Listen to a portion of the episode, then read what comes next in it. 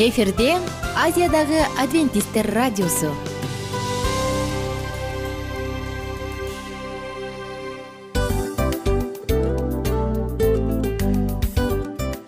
Достор салют. Кутман күнүңүздөр менен баардык угармандарыбыз баардыгыңыздарды кайрадан ушул жыштыкта көргөнүбүзгө сайтыбыздан укканыбызга кубанычтабыз. Ден соолук өмүрдүн булагы демекчи биздин саламат саамы рубрикасында баарыңыздарды көргөнүбүзгө кубанычтабыз кызматта болсо милана айнура анан мен кесиптешимден дароо эле сурап өткүм келип атат. Ден соолук дегенде ар ким ар кайсындай нерсени түшүнөт эмеспи э ден соолук биринчи байлык дейбиз. Ден соолук ал бул дейбиз. Бирок жеке сен үчүн ден соолук эмне мен үчүн ден соолук бул биринчиден адамдын бактысы. Себеп дегенде эгерде ден соолук жок болсо анда адамдын жашоосундагы баардык баягы ал баалаган нерселердин баардыгы өзүнүн баасын жоготуп коет. Ошондуктан ден соолук бул өмүрдүн булагы деп бекеринен айтылган эмес ошондуктан бул эң баалуу эң керектүү нерсе. Анан э, ден соолук менен эркиндикти э, алардан ажырагандан кийин гана аттеңай деп баркын билесиң дейт го. Албетте. Анысы кандай мен да бир адамдын сөзүн айткым келип атат да ден соолук баардыгы эмес дейт. Бирок ден соолуксуз баардыгы эч нерсеге татыбайт деп. Анысы кандай? Кээ бир учурда ден соолугу жок билимибиз. Ден соолугу жок тапкан байлыгыбыз эч нерсеге татыбай калат экен. Туптуура болгону ушу деним сак болсо гана анда мен көп нерсе кыла алмакмын демек дейбиз э. Анан карап отуруп жаратканга таң каласың э. Бизди жараткан деле укмуш сонун кылып жаратып койгон да канча бир жылга жете тургандай организм менен баардыгы менен камсыздап койгон. Демек бир сөз менен айтсак болот жараткан бизди жаратканда эле байлык менен жаратып коет экен деп. Туптуура андыктан достор биз сиздерге эң керектүү эң мааныздуу маалыматтарды көптөгөн сюрприздерди даярдадык. Анткени ден соолук биз азыр эле айтып кеткендей эң керектүү нерсе. Анда эмне дейбиз? Саатыбыздын башында эле угармандарыбызга айталы э сиз ээ болгон ден соолугуңузду сактаңыз. Балким алдыдагы рубрика жашооңузду канчалык бир деңгээлде канча бир ноль бүтүн жүздөн бир пайызга болсо да өзгөрткөнгө жардам берер? Туптуура андыктан кунт коюп угабыз жана жакшы көңүл менен алдыга жылабыз. Менде бир суроо болуп кетти да көпчүлүгү айтып коет эмеспи? Мырзалар ийнеден коркот деп. Доктурга барганда ийне сайгандан мырзалар көбүрөөк коркот дейт да айымдарга салыштырмалуу. Ушул чынбы? Эми билбейм адамдар эркектер ар кандай го э, мисалы жеке сенде? эми мен үчүн баягы анча коркунучтуу эмес себеп дегенде жок коркпойм. Бирок каалаган бир доктурга баруу бул кандайдыр бир баары бир коркунучту туудурат да. Жакшы болобу жаман болобу баары бир доктурга баратканың бул уже кандайдыр бир бир э, көйгөй менен баратканыңдай сезилет да ошон үчүн. Ооруканага киргенде эле э мындай өзүңдү башкача сезесиң. жыттаганда эле э, баягы ойлойсуң. эмненин жыт экенин айтпай эле коелу? Албетте тарс эткенин баары тамаша бирок доктурга барсак дагы төрөтканага баралы э? Ооба э, балдарды тосуп алыш үчүн ал жерден торттор менен. ал жерден баланы алып келиш үчүн гана барып туралы дейли. Анда угармандарыбыздын баарын алдыдагы саламат саамы радио баракчабызга чакырабыз. Биз менен бирге болуңуздар. Анан сонун кеңештин баардыгы ошол жерде жаңырат саламат саама ден соолуктун жарчысы. Саламат саама ден соолуктун ачкычы. Күн сайын сиз үчүн мыкты кеңештер сонун жаңылыктар кызыктуу фактылар. Биздин рубрикада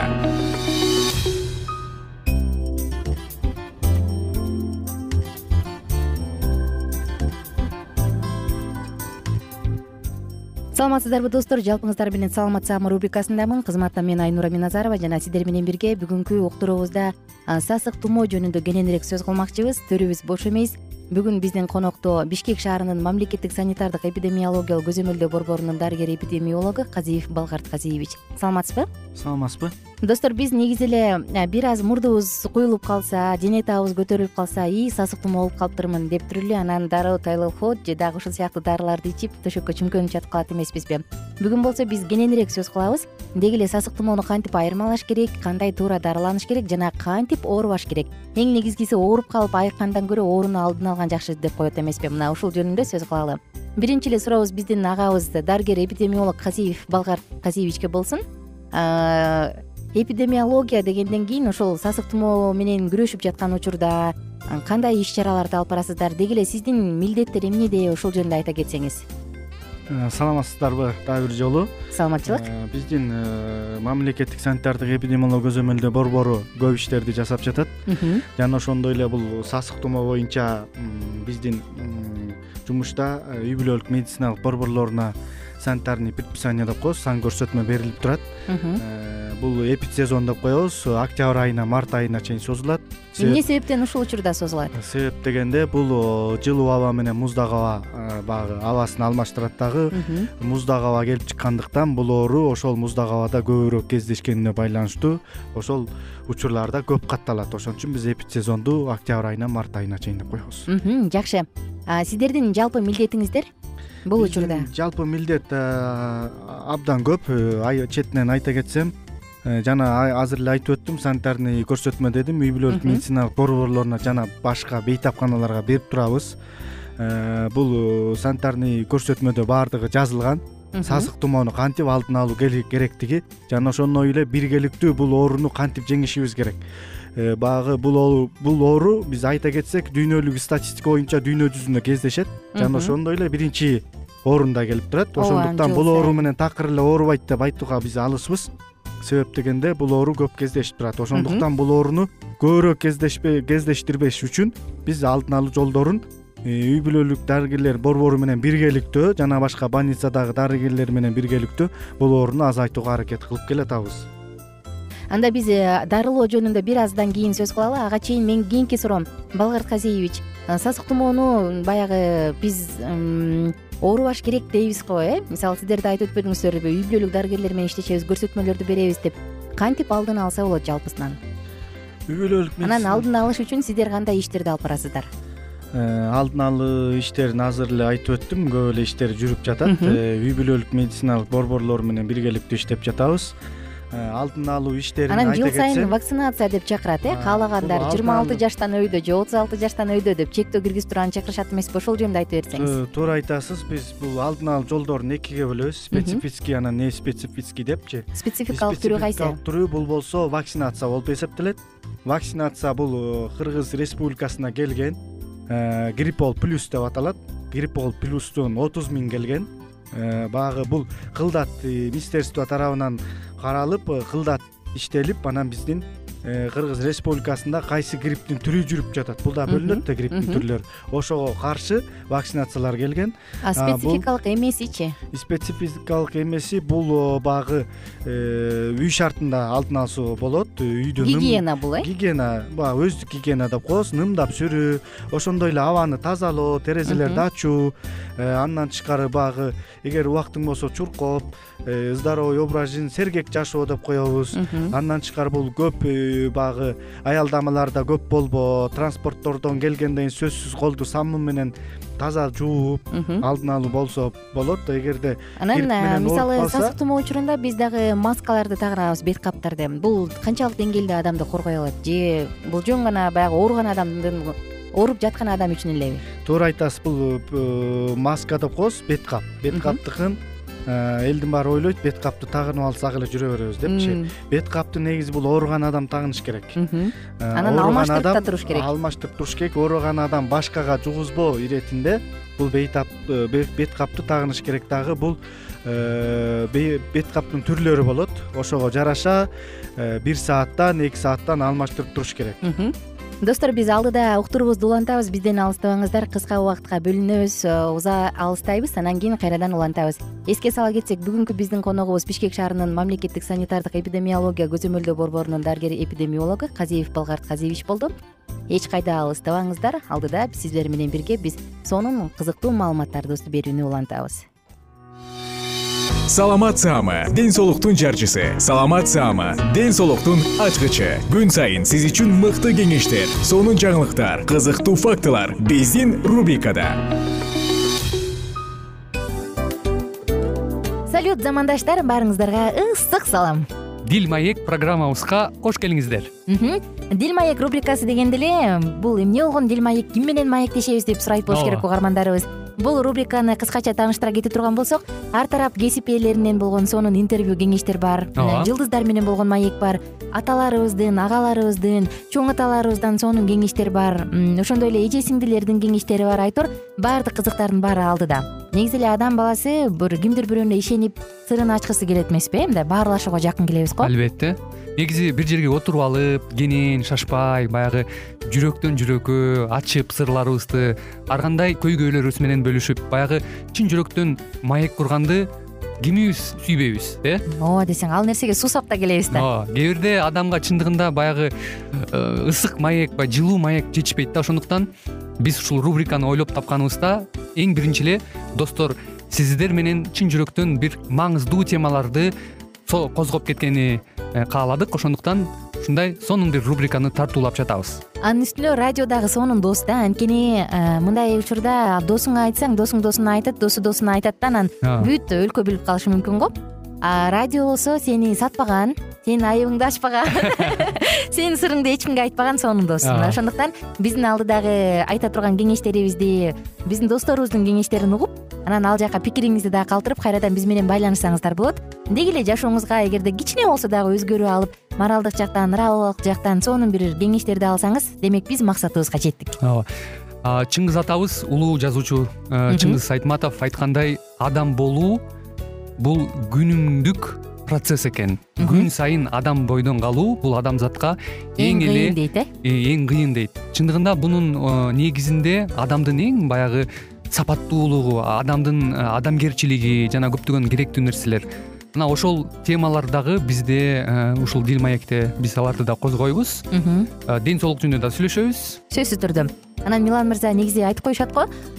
Биз көбүнчө эмнени ойлонсок ошол нерсеге карата иш кылабыз го. Ооба. Анан анысы кандай? Балким бул радио баракчада кимдир бирөөнүн оюн текшергенге жардам берет кимдир бирөөнүн жүрөгүн текшергенге жардам берет балким кимдир бирөөгө жашоонун маңызын тапканга жардам берет. Айтор кызыктын баары алдыда бул жөн гана кыскача жарнама анда угармандарыбыздын баардыгын кийинки рубрикабызга чакырабыз. Ал эми кызматта маңдайымда отурган кесиптешим милан жана мен айнура. Анда эмесе биз даярдаган терең терең ойлор менен таанышууга кеттик. Алыс алыс баралык. Анда эмесе достор биз менен бирге болуңуздар. Алдыда эң кызыктуу маалыматтардын баардыгы бир нече мүнөттөр бою жалгыз гана сизге арналат. Мына ошондуктан жакшы маанай менен угууну каалайбыз. Үн алышканча. Жөнөдүк ар түрдүү ардактуу кесип ээлеринен алтын сөздөр жүрөк ачышкан сыр чачышкан сонун маек дил маек рубрикасында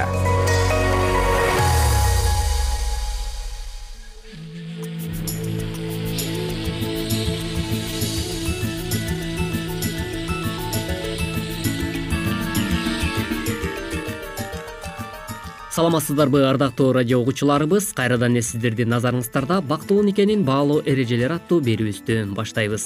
Бүгүнкү программабыздын чыгарылышында адаттагыдай эле үй бүлө багытына арналган темабызды улантмакчыбыз. Андыктан биздин одон алыстабай дал ушул мүнөттөрдө биз менен биргеликте болуңуз.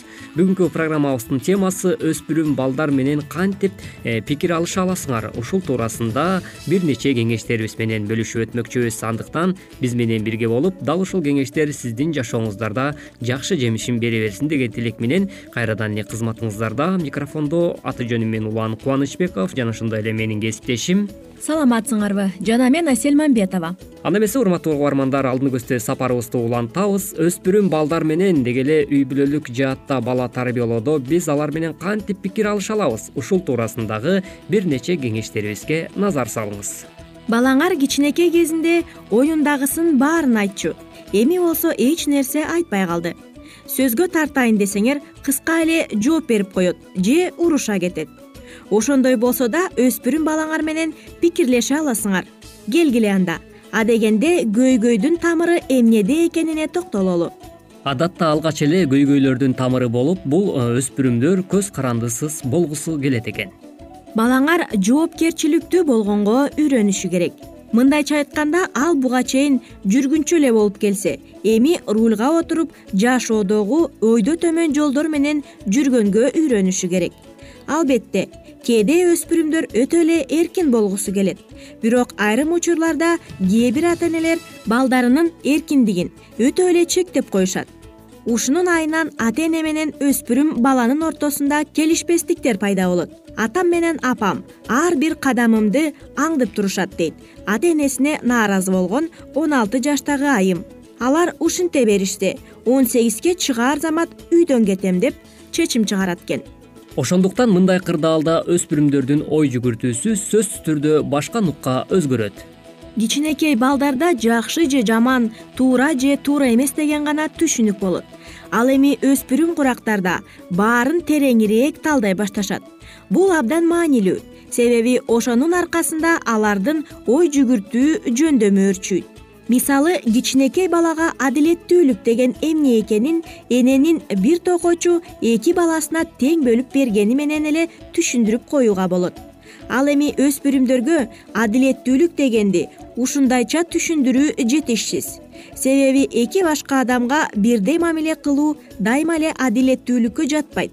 Өспүрүм куракка келгенде балдарыңардын ой жүгүртүүсү өзгөрүп өзүнүн жеке көз карашы пайда боло баштагандыктан анын көз карашы дайыма эле силердикине төп келе бербейт экен.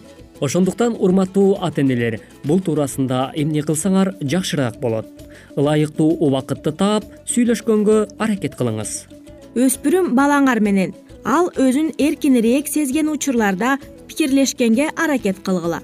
Айрым ата энелер бетме бет отуруп сүйлөшкөнгө караганда үй жумуштарын кылып жатканда же машинеде кетип баратканда эркинирээк сүйлөшөрүн байкашкан.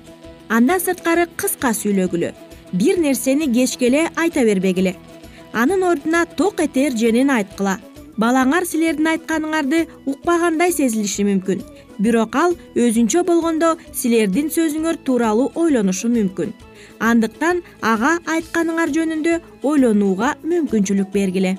Ошондуктан урматтуу ата энелер жогорудагы айтылган баардык кеңештерди эске алуу менен биргеликте сиз дагы балаңыз менен кыска жана нуска сүйлөшкөнгө аракет кылыңыз. Жана ошол эле учурда катаалдык менен мамиле кылбастан тескерисинче жумшактык мүнөз менен балаңызды укканга даяр болуңуз өспүрүм балаңардын көйгөйүн толугу менен түшүнүш үчүн. Ал сүйлөп жатканда сөзүн бөлбөй кунт коюп уккула бир нерсе айтаардан мурун жакшылап ойлонгула айтканыңардан кайтпай катуу боло берсеңер балаңар кылба деген нерсени кылуунун жолун издей баштайт. Өткөл курактагы балдар жөнүндө жазылган бир китепте андайда балдар үйдө башка көчөдө башка боло баштайт. Ата энесинин көзүнчө аларга жаккан нерселерди кылып алар уккусу келген сөздөрдү сүйлөп ал эми алар жокто өзүнүкүн кылып жүрө берет деп айтылат. Андан сырткары сабырдуу болгула апам экөөбүздүн оюбуз келишпей калганда ал мага ачуулана берет дейт мээримдеген өспүрүм. Анан мен да кыжырланып экөөбүз уруша кетебиз. Өспүрүм балаңардын айткандарын өспүрүм балаңардын айткандарын терс кабыл алгандын ордуна аны түшүнөрүңөрдү көрсөткүлө. Мисалы ушуга да капаланасыңбы? дегенден көрө буга аябай капаланып жатканыңды түшүнөм дегениңер жакшы. Ошондой эле адатта бул жаатта дагы урматтуу ата энелер сиздер өзүңүздөрдүн чүрпөңүздөр менен башкача айтканда өспүрүмдөр менен сүйлөшүү жаатында жана өзүңүздүн балаңызга туура түшүнүү менен мамиле кылуунун ордунда дагы бир нерсени эске алып койгонуңуз абдан маанилүү болуп эсептелинет экен буга мисал балаңыздын ордуна эч убакта чечим чыгарбаганга аракет кылыңыз балаңардын ой жүгүртүү жөндөмүн машыккан сайын чоңое берген булчуңга салыштырууга болот. Андыктан ал чечим чыгараарда анын ордуна көнүгүү жасабагыла башкача айтканда анын ордуна чечим чыгарбагыла ага өз алдынча чечим чыгарганга мүмкүнчүлүк бергиле. Туура чечимге келүүнүн бир нече жолун көрсөтүп бергенден кийин азыр мен сага бир нече эле жолун айттым булар тууралуу бир эки күн ойлонуп көр анан кандай чечим чыгараарың жөнүндө жана эмне үчүн андай чечимге келгениң жөнүндө сүйлөшөбүз десеңер болот. Ошондой эле өспүрүмдөргө карата дагы бир нече кеңештерибизди бере кетели. Ата энеңдин көбүрөөк эркиндик беришин сени түшүнүшүн каалайсыңбы? Бул каалооң орундалышы үчүн эмне кылышың керек? Ата энеңе жашооңдо болуп жаткан нерселерди айтып бер оюңду ачык айт болбосо алар сага ишеним арта албайт алар сага канчалык көп ишенсе ошончолук көп эркиндик беришет. Ошондуктан урматтуу радио каармандарыбыз бүгүнкү берүүбүздө дагы сиздердин үй бүлөлүк жашооңуздарга ынтымактык жана ошондой эле ден соолук каалоо менен биргеликте бизге бөлүнгөн убакыт дагы өз соңуна келип жетти.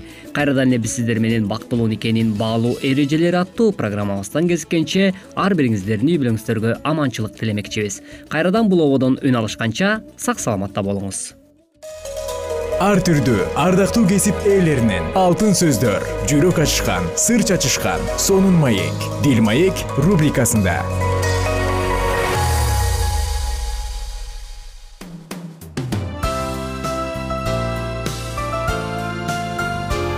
Эфирде азиядагы адвентисттер радиосу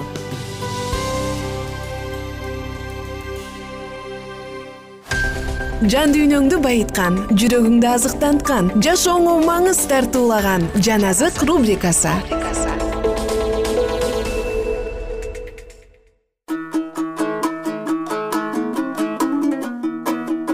Кутмандуу кушубак күнүңүздөр менен замандаштар сиздер менен бирге саламдашып забур китебин окууну андан ары улантабыз. Кызматта менмин жана бүгүнкү тыңдап жатканыңыз бул жан азык рубрикасы. Биз менен алдыны көздөй бирге сапар улантыңыз жыйырма биринчи забур. Мени карап тургандар баштарын чайкап мындай деп шылтыңдап жатышат. Ал теңирге таянчу. Теңир аны куткарып алсын. Эгер ал теңирге жакса анда аны куткарып алсын. Бирок сен мени энемдин курсагынан чыгаргансың эмчектеги кезимде эле өзүңө таянууну үйрөткөнсүң. Энемдин ичинде жаткандан тартып эле сага тапшырылганмын. Энемдин ичинен чыкканда эле сен менин кудайым болчусуң. Менден алыстаба анткени кайгы жакын анткени жардам берүүчү жок. Көп букалар мени тегеректеп алышты. Башандын семиз өгүздөрү мени курчап алышты. Алар мага олжосуна жулунуп айкырган арстандай ооздорун ачышты. Мен суудай төгүлдүм. Сөөктөрүм чачырап кетти. Жүрөгүм момдой эриди. Күч кубатым карападай кургады. Тилим таңдайыма жабышты. Сен мени өлүм топурагына түшүрдүң.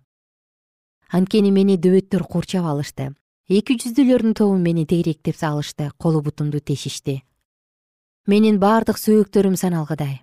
Алар болсо мени карап тамаша кылып жатышат. Чапанымды өз ара бөлүп алып жатышат. Кийимим үчүн өкчөмө таш ыргытып жатышат. Бирок теңирим сен менден алыстаба менин күч кубатым мага жардам бергенге шашыл. Жанымды кылычтан өмүрүмдү дөбөттөрдөн сактап кал. Мени арстандардын оозунан куткар. Сен мени уктуң буйволдун мүйүзүнөн куткар сенин ысымыңды бир туугандарыма айтып даңктаймын элдин арасында бир өзүңдү мактаймын. Кудайдан корккондор аны мактагыла. Жакыптын бүт тукуму аны даңкта. Ысрайылдын бүт тукуму анын алдында коркуп турсун. Анткени ал азап тарткандын кайгысына назар салбай койгон жок. Аны эсине албай койгон жок. Андан өз жүзүн жашырган жок. Ал аны чакырганда аны укту чоң жыйында сени даңктайм. Сенден корккондордун алдында сага берген убадаларымды аткарам. Жардылар жесин тойсун теңирди издегендер аны даңкташсын жүрөгүңөр түбөлүк жашасын. Теңирди эстеп бүт жер жүзү ага кайрылат. Бардык бутпарас элдер сага таазим кылышат. Анткени падышачылык теңирдики ал бардык элдердин эгедери. Жер жүзүндөгү бардык атактуу адамдар тойлошот жана табынышат топуракка айлана тургандар өз өмүрүн сактап кала албай тургандар. Ага таазим этишет. Менин тукумум ага кызмат кылат жана түбөлүккө теңирдики деп аталат. Алар келип теңирдин адилеттигин иштерин кийинки муунга жарыялашат. Жыйырма экинчи забур дөөттүн забуру теңир менин кайтаруучум. Мен эч нерсеге муктаж болбойм. Ал мени оттуу жайытка жаят жана жай аккан суу боюна алып барат. Өз ысымы үчүн жаныма күч берип чындык жолуна салат. Өлүм көлөкөсүнүн өрөөнүндө жүрсөм да жамандыктан коркпойм. Анткени сен мени мененсиң. Сенин бийлик таягың менен койчу таягың жанымды тынчтандырат. Сен мага душмандарымдын көз алдында дасторкон жайдың. Башымды зайтун майы менен майладың. Чөйчөгүм ашып ташып төгүлүп турат береке менен ырайым мени өмүрүмдүн аягына чейин коштоп жүрсүн. Ошондо мен теңирдин үйүндө түбөлүк болом. Жыйырма үчүнчү забур. Дөөттүн забуру. Жер жана анда болгон бардык нерселер аалам жана анда жашагандардын бардыгы теңирдики. Анткени ал жерди деңиздердин үстүнө негиздеп дарыялардын үстүнө орноткон. Ким теңирдин тоосуна чыга алат же ким анын ыйык жеринде тура алат. Колу жамандыкка барбаган жүрөгү таза жанын жеп карганбаган жалган ант бербеген адам гана теңирдин батасын алат. Куткаруучу кудайынын ырайымын көрөт. Сени издегендер сенин жүзүңдү издегендер ушундай жакыптын кудайы. Дарбазалар баш капкаңарды көтөргүлө. Түбөлүк эшиктер каалгаңарды ачкыла даңк падышасы кирсин ал даңк падышасы ким? Ал кудуреттүү күчтүү кудай майданда күчтүү теңир. Дарбазалар баш капкаңарды көтөргүлө. Түбөлүк эшиктер каалгаңарды ачкыла. Даңк падышасы кирсин. Ал даңк падышасы ким? Ал теңир сибайот даңк падышасы. Жыйырма төртүнчү забур дөөттүн забуру. Теңир жанымды сенин алдыңа алып келем. Кудайым сага таянам уятка калбайын. Душмандарым мага үстөмдүк кылышпасын. Сенден үмүттөнгөндөрдүн баары уятка калышпасын. Мага себепсиз жамандык кылгандар уятка калышсын. Теңир мага өз жолуңду көрсөт. Өз жолуңда жүргөндү үйрөт. Мени өз чындыгыңа багытта үйрөт. Анткени сен мени куткарган кудайсың. Ар күнү сенден үмүттөнөм. Теңир кең пейилдигиңди кайрымдуулугуңду эсте анткени алар түбөлүктүү. Менин жаш кезде кылган күнөөлөрүм менен кылмыштарымды эстебе. Мени өзүңдүн кең пейилдигиң ырайымдуулугуң боюнча эсте. Теңир кең пейил. Адилет ошондуктан ал күнөөкөрлөрдү түз жолго салат. Момундарды чындыкка бурат. Момундарга өз жолунда жүргөндү үйрөтөт. Теңирдин бардык жолдору анын келишими менен мыйзамын сактагандар үчүн ырайым жана чындык. Өз ысымың үчүн теңир күнөөмдү кечир анткени менин күнөөм чоң. Теңир өзүнөн корккон адамга кайсы жолду тандап алууну көрсөтөт. Ал жылгал турмушта жашайт тукуму жерди мурастап алат. Теңирдин жашыруун сыры кудайдан корккондорго ал өзүнүн келишимин ошолорго жарыялайт. Менин көздөрүм дайыма теңирде анткени ал буттарымды тордон чыгарат мага назар салып ырайым кыл. Анткени мен жалгызмын кыйналдым. Жүрөгүмдөгү кайгы көбөйдү. Мени кыйынчылыктан куткар. Азап тартып кыйналып жатканыма көңүл бур. Бардык күнөөмдү кечире көр. Менин душмандарымды кара. Алар каччалык көп. Алар мени ушунчалык жек көрүшөт. Жанымды сакта мени куткар. Мен сага таянгандыктан эч уятка калбайм. Актыгым менен адилеттигим мени сактап келет. Анткени мен өзүңө таянам кудайым ысрайылды бардык кайгысынан куткар.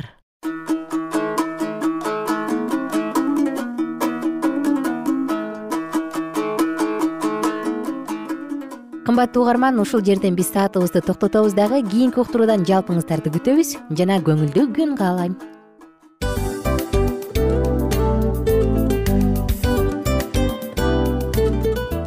достор биздин радио баракчаларыбыз соңуна келди. Демек бул программабызды дагы жыйынтыктачу учур келдик.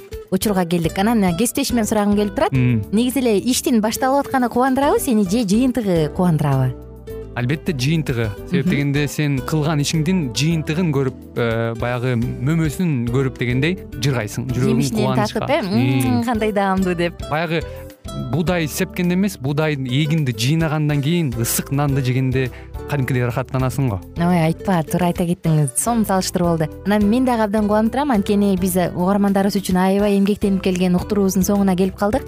Анан эми э, уктуруубуздун соңунда угармандар кандай пайда алып калды экен деп күтүп турам да. Балким э, менин жашоомо өзгөрүү киргизе турган сонун сөздөр болду мен ушул нерсени изилдеп анан кабыл албасам ушул нерсени кылбасам деген чечим чыгарсаңыз анда биз абдан кубанычтабыз. Сөзсүз түрдө. Андыктан кийинки биздин кызыктуу уктурууларыбыздан көрүшкөнчө сак саламатта калыңыздар. Чыдамсыздык менен сиздерди мен милан жана кесиптешим айнура күтөбүз. Баардык угармандарыбызга ийгиликтүү күн каалайбыз. Качан гана болбосун уртуңуздан жылмаюу кетпесин үйүңүздө көмүр жүрөгүңүздө көңүл болсун дейли